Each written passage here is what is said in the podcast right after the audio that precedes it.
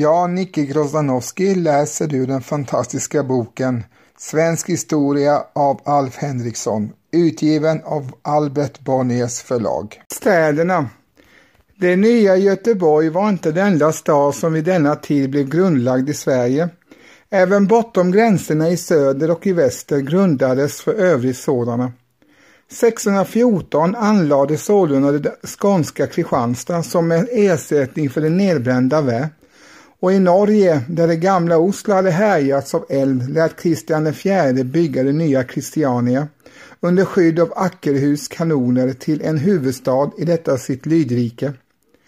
Kristian IV hade mani på att bygga och har framför allt satt sin prägel på Köpenhamn, där börsen, Holmens Kirke, Rosenborg, Kristianshavn, Regensen, Nyborder och Nytorvet förskriver sig från hans tid.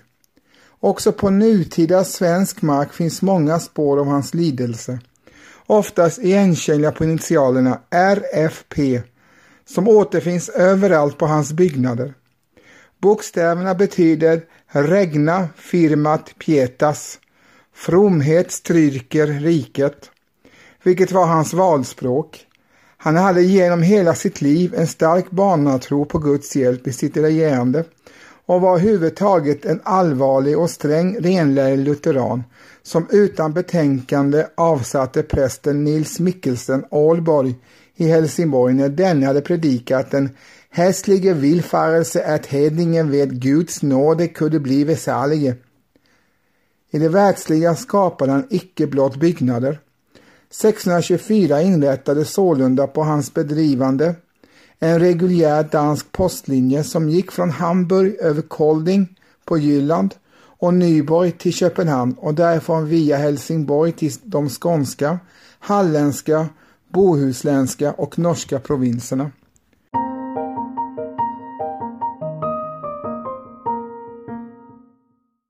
De svenska myndigheternas intresse för städer var nödvändigtvis mindre monumentala än den danske monarkens.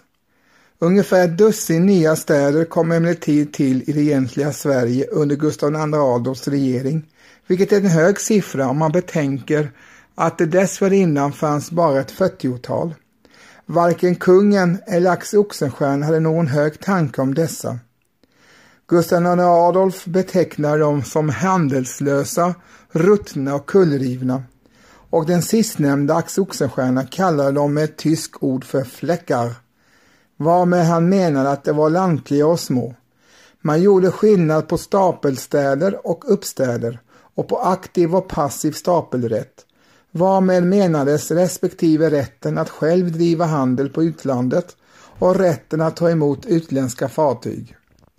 Uppstäderna hade ingendera delen utan skulle blott vara privilegierade centra för handel och hantverk i sin landsbygd, ty det var en trosartikel i tidens ekonomiska föreställningsvärld att sådana näringar blott borde bedrivas i städer.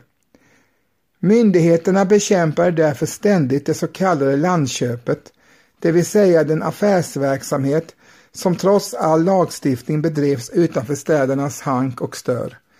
Men därav följde att man också kände sig ha skyldighet att förse landsorterna med städer inom räckhåll man kommenderar helt enkelt ett antal människor att flytta samman på platser som överheten anvisade.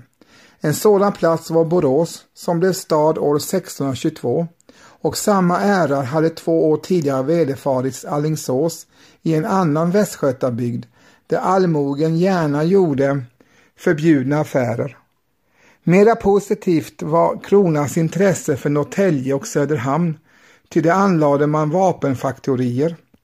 Stadsrättigheter under 1620-talets första år fick vidare en plats som hette Brätte, föregångare till det nuvarande Vänersborg, samt en hel rad norrländska orter som Sundsvall, Umeå, Skellefteå, Piteå, Luleå och Torneå. Privilegiebrev utfärdades dessutom för Sala och Kopparberget, av vilka dock endast den förstnämnda brydde sig om att bli stad i Gustav II Adolfs tid. Först ett par årtionden senare tog Falun denna värdighet i besittning. Åtskilliga städer fick sina privilegier översedda och bekräftade.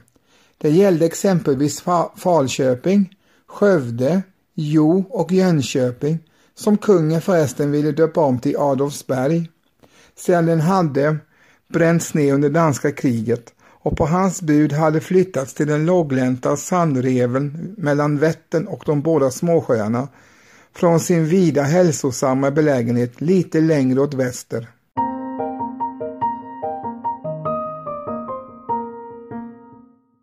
Stora eller ståtliga var inte de svenska städerna.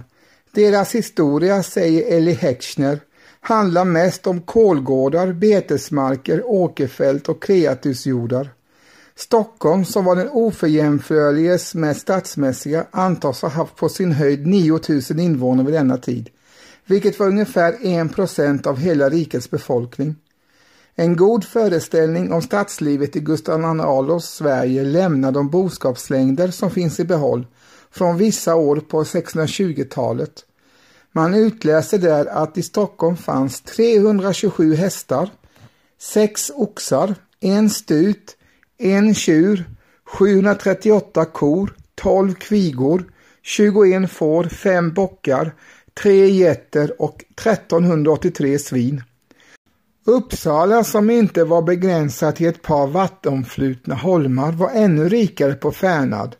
305 hästar, 27 stutar, 14 oxar, 2 tjurar, 599 kor, 148 kvigor, 734 får och 1720 svin. Någon industri att tala om fanns inte, men de styrandes intresse var alltid stort för vad som på tidens språk kallades manufakturer och utländska män fick efterhand igång ett och annat. I början av Gustav II Adolfs regering kom två tyska bröder Struve till Jönköping och satte upp ett vantmakeri, det vill säga en klädesfabrik, vilket var Sveriges första. Med den associerade sig efter påtryckningar från högsta orten rike borgmästaren Peder Gudmundsson och vantmakeriet levererade sedan uniformstyg. Varan kallades förresten pjuck och man skilde på gementpjuck och körpjuck till kronan i alla regnbågens färger och i rätt stora kvantiteter.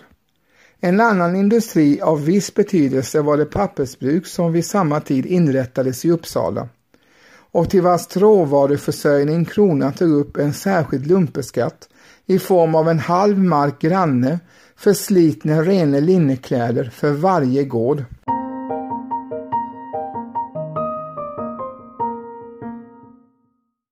En ekonomisk insats av en helt annan verkningsgrad var naturligtvis Louis de Gees. Själv bodde han kvar i Nederländerna ända fram till 1627 men vid det laget hade hans affärsintressen i Sverige vuxit ut till en väldig koncern som oavbrutet växte ytterligare och hans inflytande över Sveriges näringsliv blev efterhand överväldigande och enastående. Det är lättare, skriver Eli Heckscher, att säga vad han icke behärskade i Sveriges ekonomi än att räkna upp vad som berodde av honom. Han övertog alla kronans vapenfabriker och förestod handel med koppar, som var svenskt statsmonopol. Kärnan i hans industriella domäner var Finspång, där Velam de Besche på hans vägnar anlade masugnar, stångjärnshammare och ett kanongjuteri. Genom denne sin landsman inrättade han vidare ett mässingbruk i Norrköping och av kronan arrenderade han dessutom Danemora gruva och ett antal järnbruk i Uppland, i första hand Österby, Gimo och Lovsta. Det sistnämnda namnet med sin egendomliga stavning är ett monument över en företeelse som tog fart genom Louis de Geers åtgörande, trots att den hade börjat så smått redan i Karl IXs tid, valloninvandringen. Vallonerna som kom från trakten av Liège i det nuvarande Belgien företrädde den högsta metallurgiska sakkunskap som stod att få i det dåtida Europa och de kom till Sverige som instruktörer och tekniska specialister vid de Geers många bruk där de införde en överlägsen teknik både i masugnsprocessen och i stångjärnssmidet. Så värst många kan de inte ha varit. Hela invandringen med kvinnor och barn tog det omfattat blott några tusen personer och många av dessa återvände efter några år till sin fädernesbygd. Vallonsmidets betydelse har nog ofta överskattats, säger Heckscher, som funnit att ännu i slutet av 1600-talet behärskade det gamla tyska tysksmidet den ojämförligt största delen av Sveriges järnhantering. Det var helt enkelt frågan om två olika tekniska förfarande som tillgodosåg olika behov. Men i masugnsprocessen blev vallonernas insats av revolutionerande verkan och som hammarsmeder åstadkom de ett svenskt järn som ansågs vara världens näst bästa, överträffat i pris endast av det spanska järnet från Bilbao.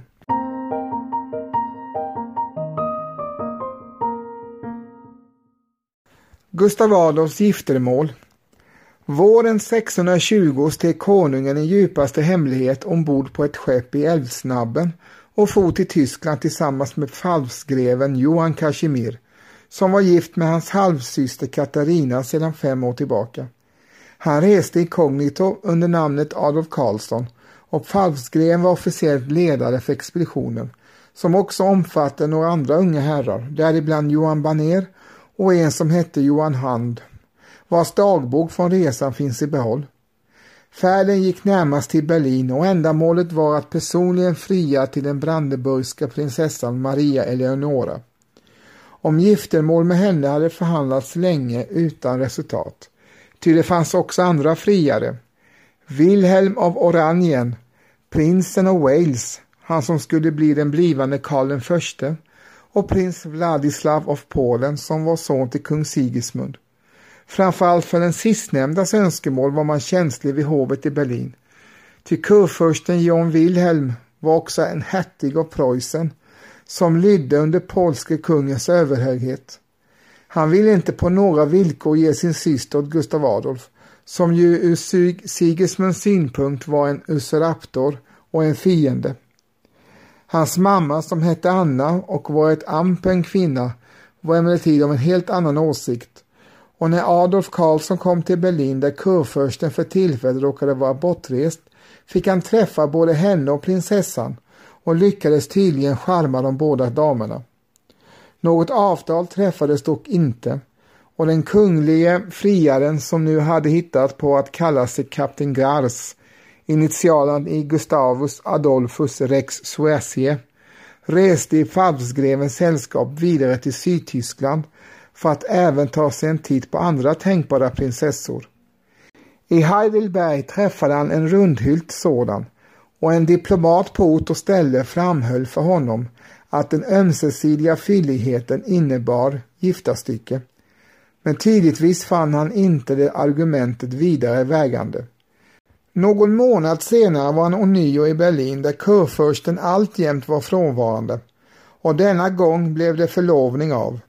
Han hastade därpå hem till Sverige för att ordna med bröllopet.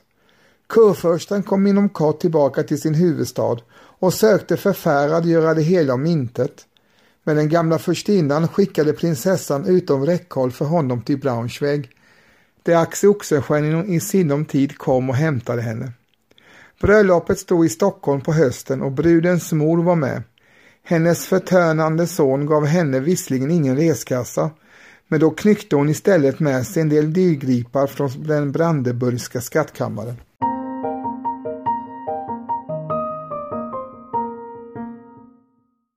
Sverige hade sålunda fått en drottning av förstlig familj och den gamla enkeldrottningen Kristina kunde andas ut. Hon hade haft bekymmer på denna punkt. Några år tidigare hade den unge konungen förälskat sig djupt och allvarligt i den 17-åriga Ebba Brahe som inte var något omöjligt parti. Dotter till riksdrotsen Magnus Brahe var hon också nära släkt med enkeldrottning Katarina Stenbock och var även på annat sätt befyndrad med kungahuset.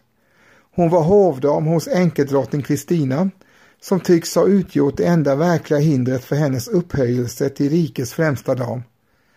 Från Ebba Brahes och den unge Gustav Adolfs kärleksdagar finns det i behåll några dussin brev, av vilka alla utom ett är skrivna av konungen.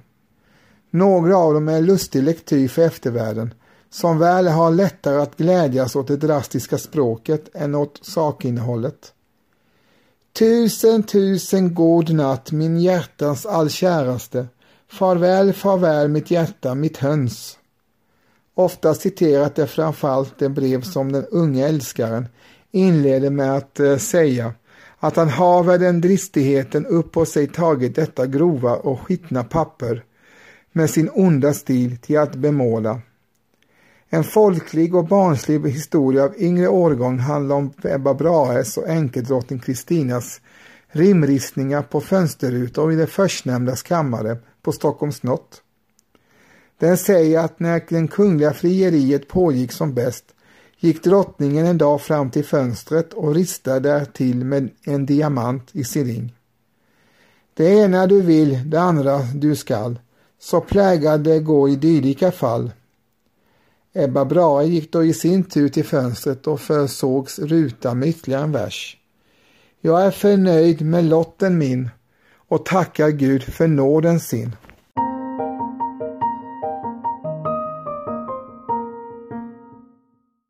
Midsommardagen 1618 giftes flickan bort med den berömde generalen Jacob de la Gardie och blev av allt att döma lycklig gift med honom, ty paret fick med åren inte mindre än 14 barn. Gustav Adolf tröstade sig efterhand på sitt håll. 1615 under det ryska fälttåget ingick han en förbindelse med en ung nederländska som äldre historieskrivare kallar Margareta Cabeleu men som i våra dagar har befunnits heta Margareta Slotts. Han fick en son med henne och hon fick det ekonomiskt ganska bra, försågs med en gård i Uppland och giftes bort med en överfyrverkare som hette Trelo. Sonen uppfostrades ståndsmässigt och upphöjdes i sinom tid till greve under namnet Gustav Gustafsson av Vasaborg. Med sin gemål fick Gustav Adolf däremot inga söner och det förstliga äktenskapet som han så resolut hade bragt till stånd blev inte lyckligt. Med Axel Oxenstierna talade han öppet om sitt Malun domesticum, sin husliga olycka, och alla i rådet visste att han hade bekymmer med sin drottning. Maria Eleonora visade honom in hysterisk kärlek och klagade att han försummade henne för sitt arbete. Deras första barn var en dotter som hette Kristina hon dog i sitt första år. Tre år senare föddes en ny dotter som fick ärva namnet. Hon överlevde, men föräldrarnas glädje över det barnet var blandat med bitter malet. Det var nämligen något underligt med henne. När hon föddes tycktes alla de närvarande kvinnorna att det var en kronprins som hade kommit till världen och stort jubel utbröt. Men när man tittade närmare på den nyfödda befanns det att det nog närmast var fråga om en flicka. Jublet tvärtystnade och falskgrevinnan bar sorgmodigt den lilla varelsen till sin bror, som dock betvingade sin bestörtning och befallde att man skulle sätta igång med alla de tacksägelser och frejdebetygelser som var brukliga vid manliga tronarvingars födelse.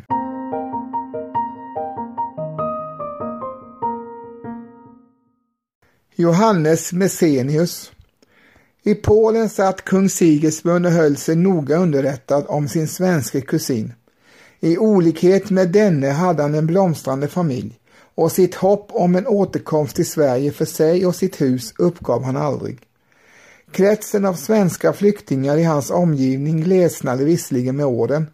Det ena efter den andra av den yngre generationen försonade sig med makthavarna i hemlandet och reste hem inte så få stannade emellertid engagerade i en oavbruten agitation under ledning av den energiske Gabriel Posse, kusin till Axel Oxenstierna. En av dem som tidigt vände hem var Johannes Messenius. Han var ingen politiker. Uppfostrad i Vadstena medan klostret ännu fanns kvar hade han skickats av sin lärare till jesuitskolan i Braunsberg och studerade sedan vid diverse katolska universitet innan han öppnade en privatskola i Danzig och gifte sig med en dotter till Arnold Grothausen, Sigismunds lärare. En panegyrisk arbete om Sigismunds härstamning inbragte honom inga fördelar och Stucken gav han istället ut en genealogisk skrift om Karl IX, vilket hade bättre effekt.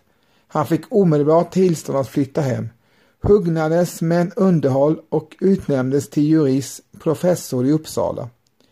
I Sverige användes han till att bemöta propagandan från Polen, ty han skrev ett förträffligt latin. Han utgav också av egen drift några politiska pamfletter och framförallt en rad historiska skrifter till fäderneslandets ära och heder. Han skrev vidare de första historiska skådespelen på svenska. Det äldsta och bästa av dem, Disa, framfördes av hans studenter vid Distingen i Uppsala år 1611.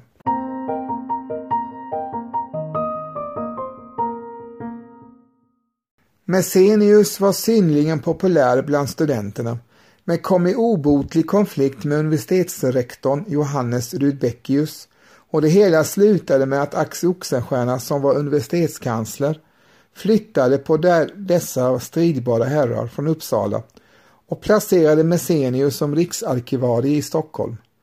Där blev han också bisittare i den nya hovrätten som var avsedd att företräda den kungliga domsmakten och tjänstgöra som högsta instans i svensk rättskipning. Dess första session öppnades med ett magnifikt tal av Axel Oxenstierna i maj 1614. I Stockholm råkade Messenius emellertid snart i strid med Erik Göransson Tegel och Nils Chasinocheprus med vilka nämligen processerade med framgång om diverse egendom som tidigare ägts av Messenius svärfar och en vacker dag såg dessa sin chans att ta hämnd, stötta sin antagonist och behålla sitt rov.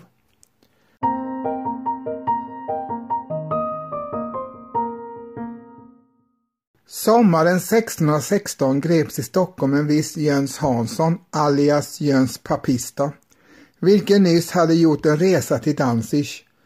Det omvittnades att han hade haft med sig ett brev från Messenius hustru till hennes mor i Polen och Messenius själv hade bett honom att hälsa till en del namngivna katolska präster och försöka få ut en del gamla papper som biskop Brask på sin tid hade fört i klostret i Oliva.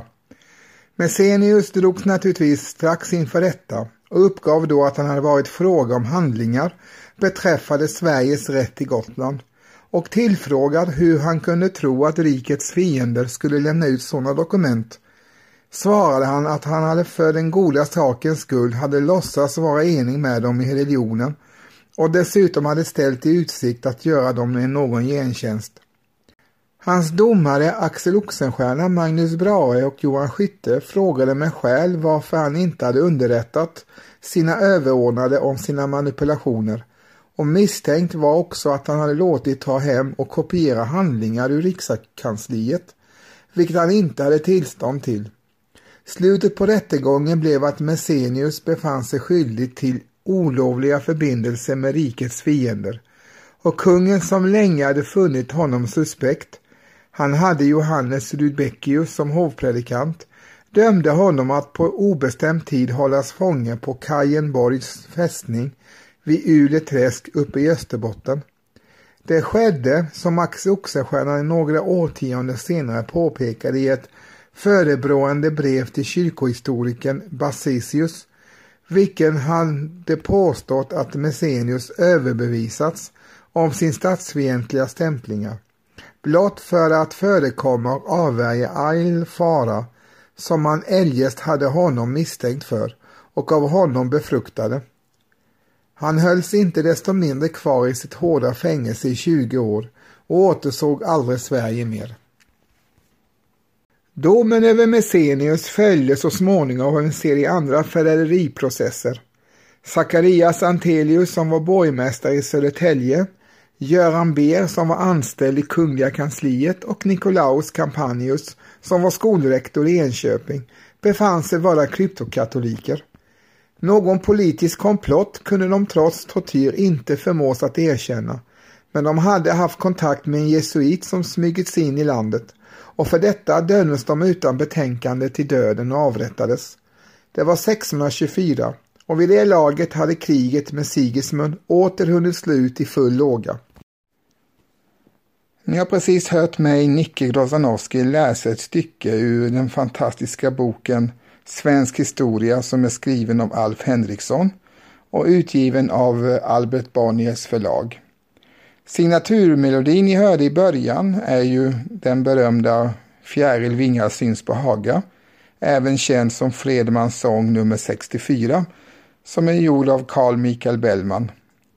Och som avslutning får ni höra Par Deus med gruppen Gotthard. Podden utkommer två gånger i veckan, lördagar och onsdagar med bonusavsnitt lite då och då, så håll utkik. Tack för att ni lyssnade. På återhörande. Hej!